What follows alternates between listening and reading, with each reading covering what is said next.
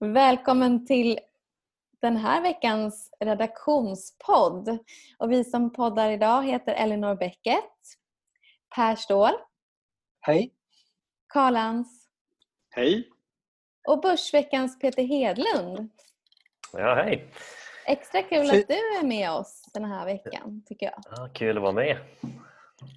Ja, vad kan vi nu säga om den här veckan? Eh, en väldigt glad börsdag idag i alla fall. Eh, även om det har kommit lite blandade nyheter. Men det som har varit i fokus har väl varit nya, nya studier som visar att eh, eh på eh, ja, helt enkelt någon form av medicin som funkar bra mot de som är svårt sjuka. Men också den här eh, Trumps plan för att öppna upp USA. Vad säger ni? Vad säger ni om börsläget just nu? Ja, det ser ju väldigt eh, positivt ut tycker jag. Ehm, om, man, eh, om- man ser det utifrån så att säga. Men eh, det man kan tycka då kanske är att det har möjligen gått lite väl snabbt då. Ehm, den här enorma uppgången, det är väl upp minst 25 procent på, på, på vad blir det, 20 handelsdagar eller något. Ehm, och det kan väl i sig vara en liten, kan ju vara en varningssignal också om att det, det är lite för, för bra så att säga. Särskilt om man tar det i kombination med att eh, arbetslösheten stiger väldigt kraftigt. Så ser jag det som lite, jag ser det inte fullt så positivt kanske som, som marknaden ser det. Just Tycker du jag vet inte, vad tycker ni andra? Tycker du också att det gått för fort, Peter?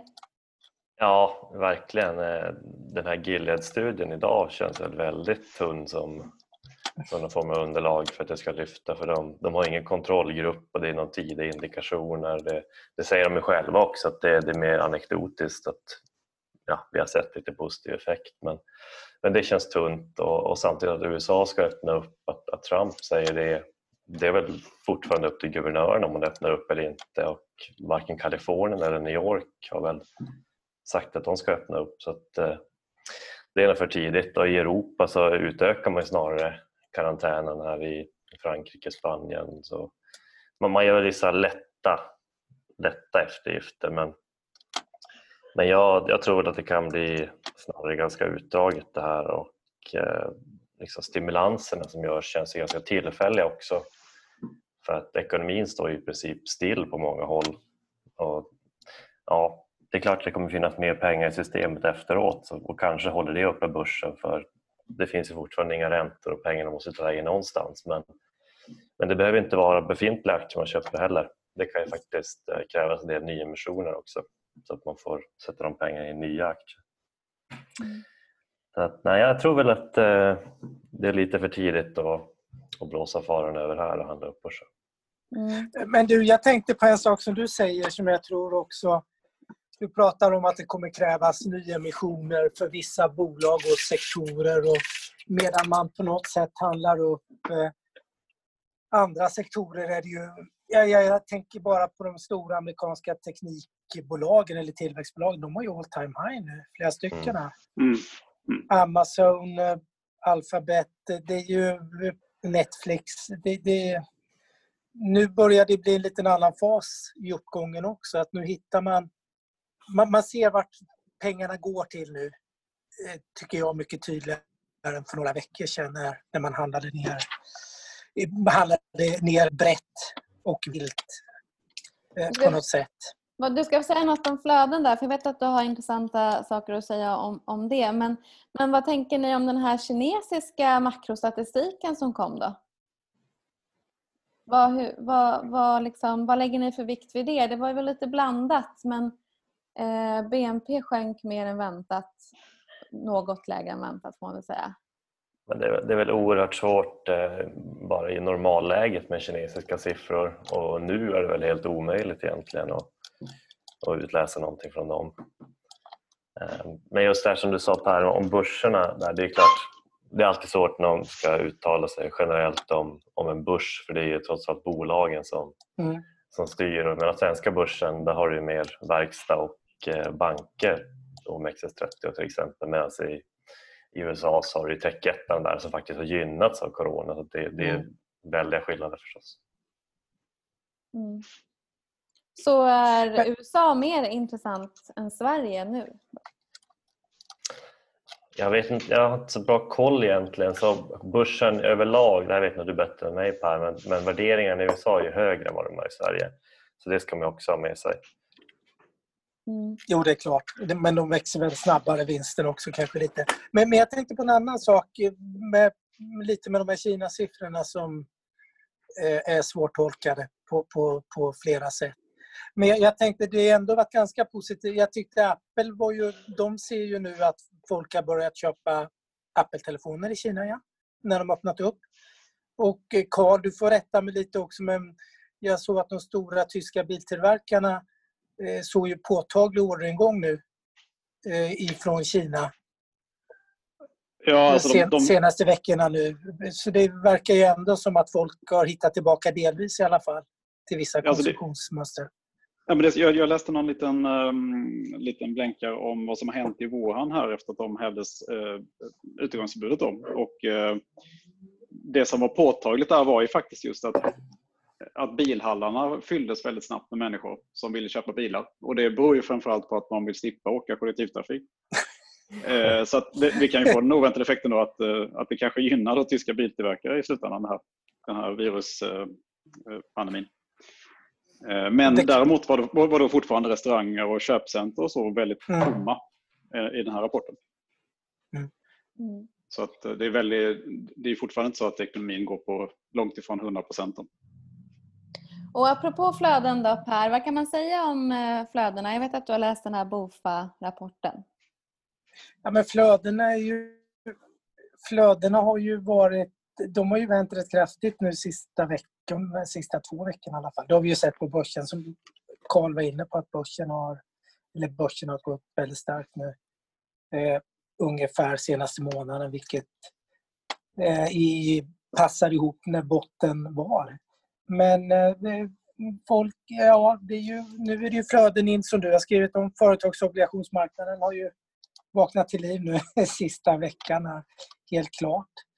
Eh, tydliga flöden in till tech, techaktier, lite som eh, eh, Peter är inne på. Det är kanske bolag som snarare gynnas av att vi sitter hemma och det är hemmakarantän för ungefär, det var i alla fall för runt en miljard människor såg jag här för någon vecka sedan.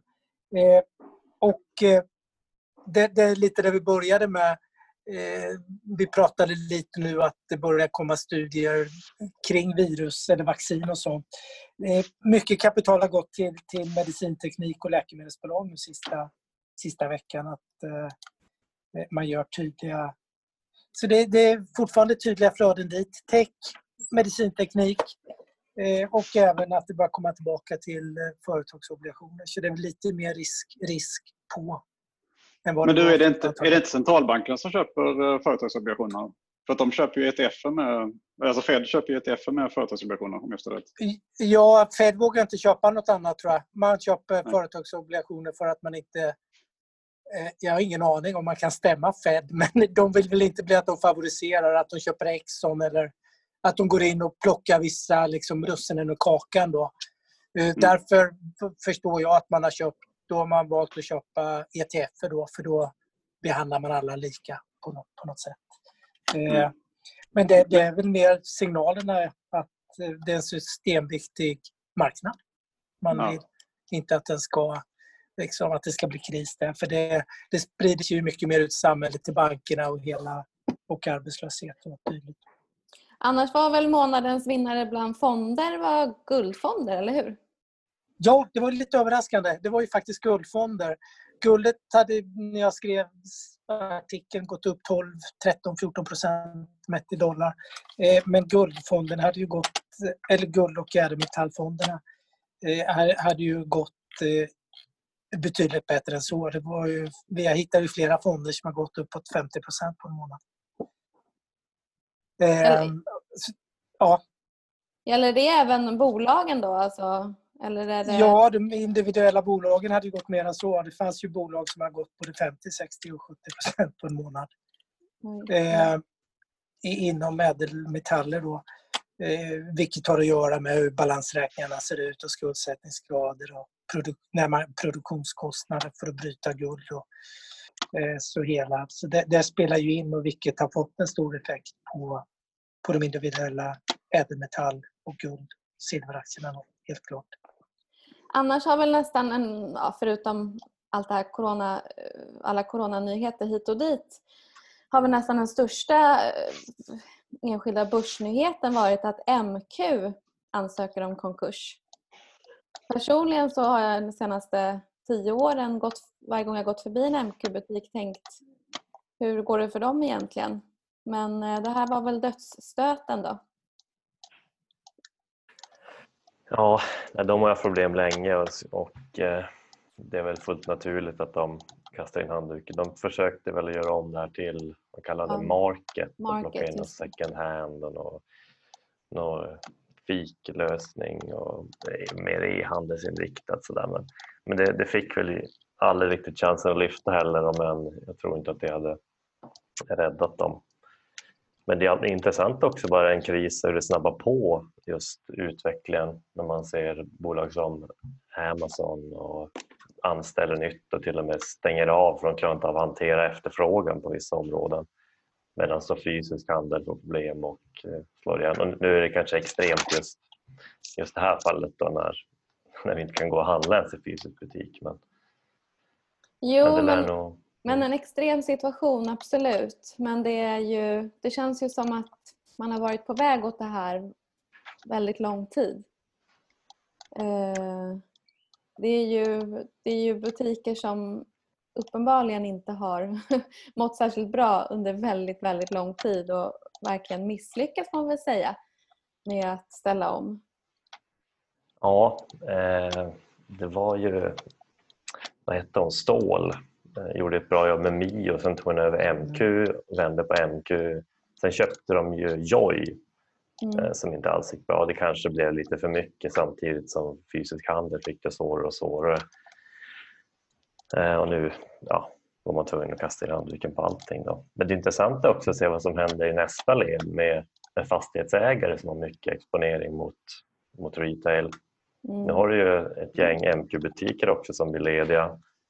Och de mm. som ska omförhandla sina kontrakt får ju då mer att välja på. Och, eh, ja, sen vet jag inte hur attraktionen totalt sett för köpcentra och sånt blir när man till exempel NK. Där har du ju fler konkurser och rekonstruktioner och dragkraften för köpcenter är väl ändå helheten så börjar det bli liksom vakanser överallt. Då kan ju, kan ju hela köpcentret tappa attraktion som så. Det kan bli mycket ringa på vattnet. Och i förlängningen kan det bli problem för banker också. Om fastighetsbolagen får problem, tänker jag. Ja. Men lite obehagligt.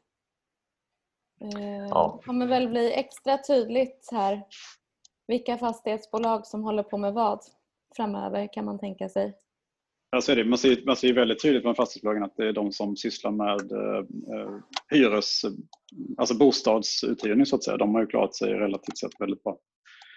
Medan då såklart köpcenter och hotellfastighetsbolag har gått väldigt svagt. Eh, ja, hotell, Pandox har verkligen blivit slaktat. Ja. Eh, det kan man förstå också. Ja. Men sen är det såklart fokus på balansräkningen och om ändå huvudstaden får problem med NK just nu så har de ju ändå ruskigt stark balansräkning. Jag tror de har belåningsgraden 16 procent eller något i den stilen. Att de är ja. väl bäst i klassen eller hur man nu vill säga Ja, överlägset bäst. Mm. Så där är det ingen, ingen fara för bolaget som sådant. Det är klart att intjäningen kan ta sig en törn på eh, ja, både nu direkt då, men även kanske på omförhandlade hyror framöver. Mm. Mm. Eh, jag har ju tittat, eller jag eh, har skrivit lite om för Morningstar eh, ändrade sina stjärnbetyg här nu vid månadsskiftet. Mm. och, de är ju, och det är ju intressant främst för att de är så otroligt, alltså för fonder ska jag säga, eh, för att de är så otroligt vida använda överallt. I princip alla banker och fondtorg har ju det här stjärnsystemet. Och eh, jag tror såklart att det är väldigt många eh, sparare som tittar på dem. Eh, det här blev ju en väldigt speciell månad just för företagsobligationsfonderna. Så det resulterade bland annat i att två av de fonder som hade fem stjärnor fick en stjärna. Mm. Och eh, en fond som hade en stjärna fick fyra stjärnor och sen så liksom hela spektrat däremellan. Men det var framförallt de som hade toppbetyg och de som hade sämst betyg som liksom ändrade på sig mest. Och då kan man ju undra eh, över, vad ska man säga, nyttan för eh, sparare att ha den här typen av betygssystem. Om det liksom funkar väldigt, väldigt olika när det går bra jämfört med när det går dåligt. Särskilt just som att eh, obligationsfonder är kanske är ett alternativ när man, som man vill ha som är lite tryggare. Så eh, det kan ju vara lite intressant. Jag tänkte höra Per, vad du har att säga om det, du som är fondexpert på Placera. Nej, men det är väl det är betydligt att är en laggande indikator hur som helst, tycker jag. Ja, liksom att den, den, den tittar ju på vad som har hänt väldigt mycket. Ja, men den gör ju det. Och någonstans ja, landar... att man måste, man måste se det som det också, tror jag. Jag tror inte man... eh, Jag vet inte, jag har funderat mycket kring de där. Jag jag har ju alltid försökt lite att hitta fonder som kanske klättrar, du vet, som går från två till tre, från tre till fyra, som har lite momentum i förvaltningen eller vad man ska säga. Mm. Eh, Liksom andra där det är liksom acceleration. Eh, Men jag, jag håller med, det, det är svårt. Många tittar ju på det eh, oerhört mycket, och, men, men det känns ju lite som en lite laggande indikator. Ja, men det är ju Ja. det. Då är det ju fel. Är det liksom betygssystemet är det, fe- det är fel på eller är det personerna som liksom tolkar den här informationen fel? Och, och, och, eller är det liksom bankerna eller fondtorgen som framställer den här informationen på... Jag menar, det, det är ju väldigt, det är ju ett otroligt pedagogiskt och lätt system att ta till sig.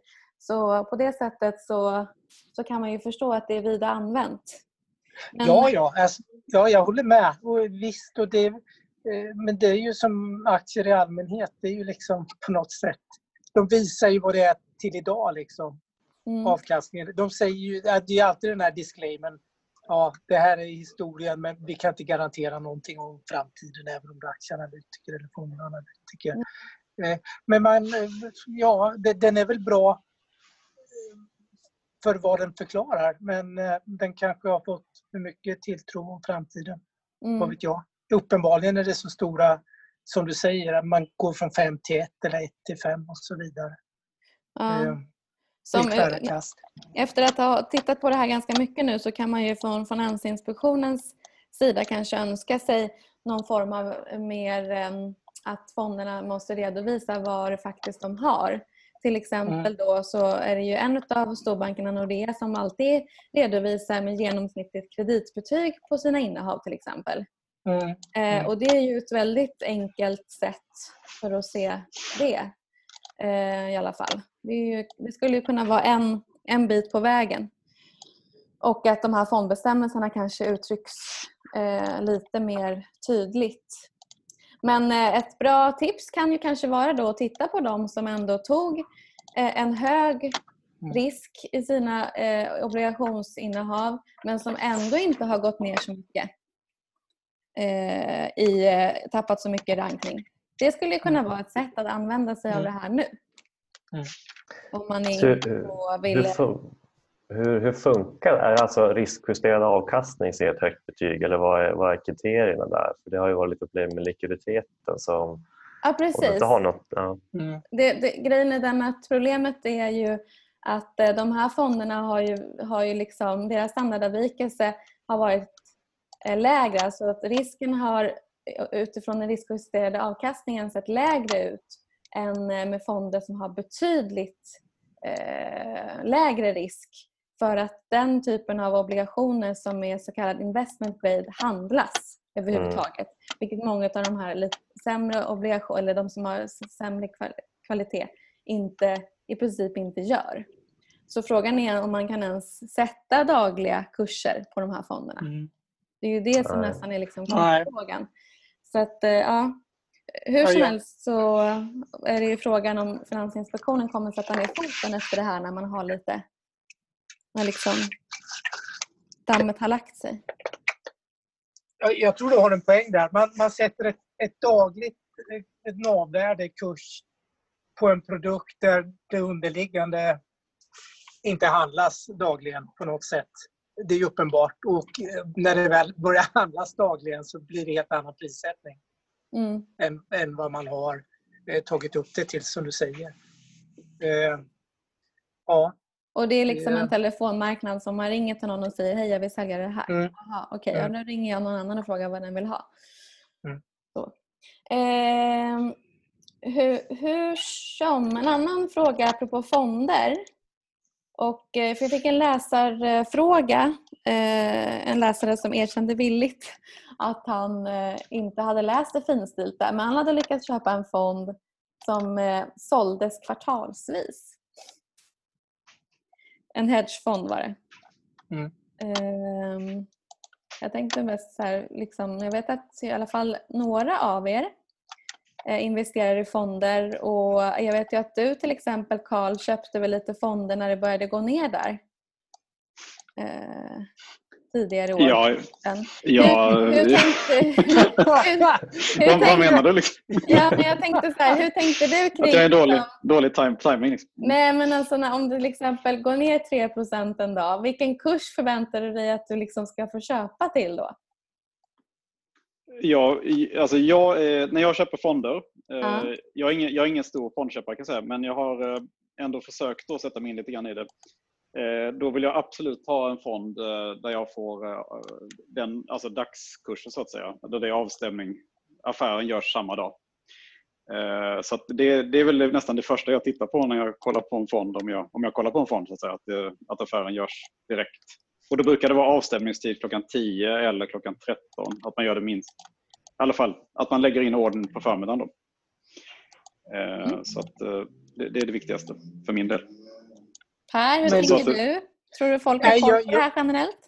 Nej, det tror jag inte. Karl har ju en poäng. Det är Karl som har lärt mig det här faktiskt. Men det begränsar ju utbudet lite, Karl. Det, det måste man ju villigt erkänna, eller hur? Ja, så är, det, så är det. Man får ju leta ganska mycket när man hittar de här som är, Mm. har den här, de är så snabba. Mm. Man kan ju säga också, har man lite det med normala marknadsförhållanden och med lite, på lite längre sikt så kanske det inte spelar så stor roll.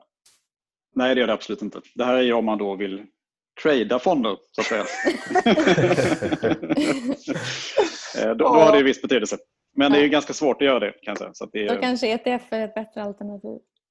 det är definitivt bättre för sådana som då inte har handelsrestriktioner som, som vi bankanställda har. Till. Lite mer bolagsspecifika grejer då eh, Per. Eh, Du har ju läst LVMHs rapport, ditt favoritbolag. Eller en av Ja, dina favoriter. Ja, nej, men jag gillar ju det. Det är ur flera anledningar. Men rapporten kom igår efter stängning. Eh, de är först ut tillsammans med L'Oreal i det här lyx, lite mer lyxsegment. Eh, rapporten var lite, lite bättre än väntat. Eh, men framförallt så eh, var det hyggligt positiva kommentarer kring Kina just när de öppnat upp och lite Eh, att det var inte så illa som befarat. Även att det var ner väldigt mycket intäktsmässigt i Kina. Eh, och eh, största affärsområdet, de här läderväskorna, eh, klarade sig också lite bättre än vad man hade väntat sig. Eh, vad jag är lite orolig för, nu har man handlat upp aktien 5 idag på Parisbörsen och i princip hela lyxvarusektorn. Eh, men att det blir fortsatt tufft i Q2 nu, för nu är, är ju alla butiker nedstängda i princip i Europa och USA nu då. Så det, Mm. det, det blir, man, man ser ju hur följd... Nu har man börjat öppna upp i Kina till viss del och det återhämtat sig eh, lite över förväntan bra. Men eh, ja, problemet är ju lite är nedstängt nu i, i Europa och eh, särskilt Frankrike. Eh, bolaget är frans, franska hemmamarknaden är ganska stor. Den står ungefär för 8 av intäkterna vilket är oproportionerligt mycket om man ser till Frankrikes vikt. eh, eh, så då. Men eh, det var ändå positivt. Det var lite tummen upp och jag, jag tror att marknaden gillar det. Och eh, någon av de stora bankerna skulle revidera upp siffrorna för man eh, har tagit ner dem lite för mycket tyckte de. Så vi får se. Men det, det var väl i alla fall ett litet ljus i mörkret så att säga.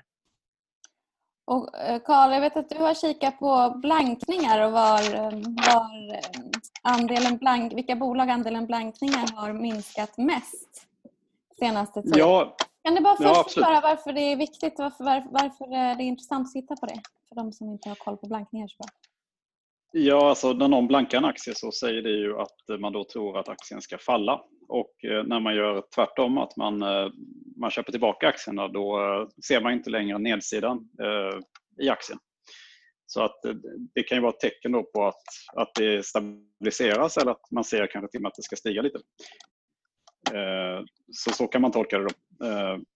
Och om man ser generellt på, på blankningarna på börsen just nu så, så har de ju fallit då med 31 procent om man ser på ett år tillbaka. Så att, eh, och det är klart att det här är värdet på blankningarna. Så att en del av det är såklart att börsen har fallit också. Men eh, börsen är just som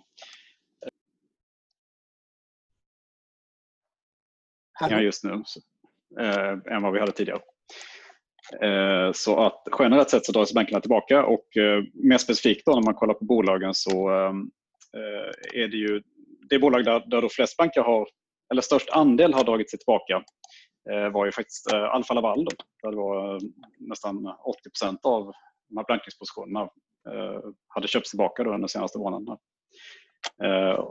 Och det, det kanske kan indikera någon form av liten botten kanske i den här. Och vi såg även en Billerud Korsnäs var, har de då köpt tillbaka mycket av det. Och det har ju varit en aktie som gått dåligt väldigt länge också. Så att eh, möjligen skulle det kunna vara en liten bottenkänning där också i den. Eh, och eh, ja. Nej, det, det, menar, du menar en liten indikation på, på kanske hur, hur stämningen är. Mm. Och slutligen då eh, Peter, du ska ge oss en liten köprekommendation som avrundning på den här podden. Ja, det är klart att det är svårt att hitta köpråd på en, en börs som är lite sur och man tror att det blir värre. Men, men eh, det finns som sagt bolag som gynnas och sen finns det bolag som dras med ner som kanske inte drabbas lika hårt. Och då är det på det temat eh, Nobina som eh, är alltså kollektivtrafikoperatör för bussar i, i Norden men, men framförallt Sverige. Och där är aktiekursen fallit från 80 kronor ungefär till 50. Och det, det är klart att de drabbas lite nu med sjukskrivna chaufförer och eh, man har kontrakt då med, med regionerna som vill köra lite mindre trafik och man har vissa kontrakt som är incitamentsbaserade eh, där man har nu fått problem med, eftersom man inte har öppet förardörrarna i bussen.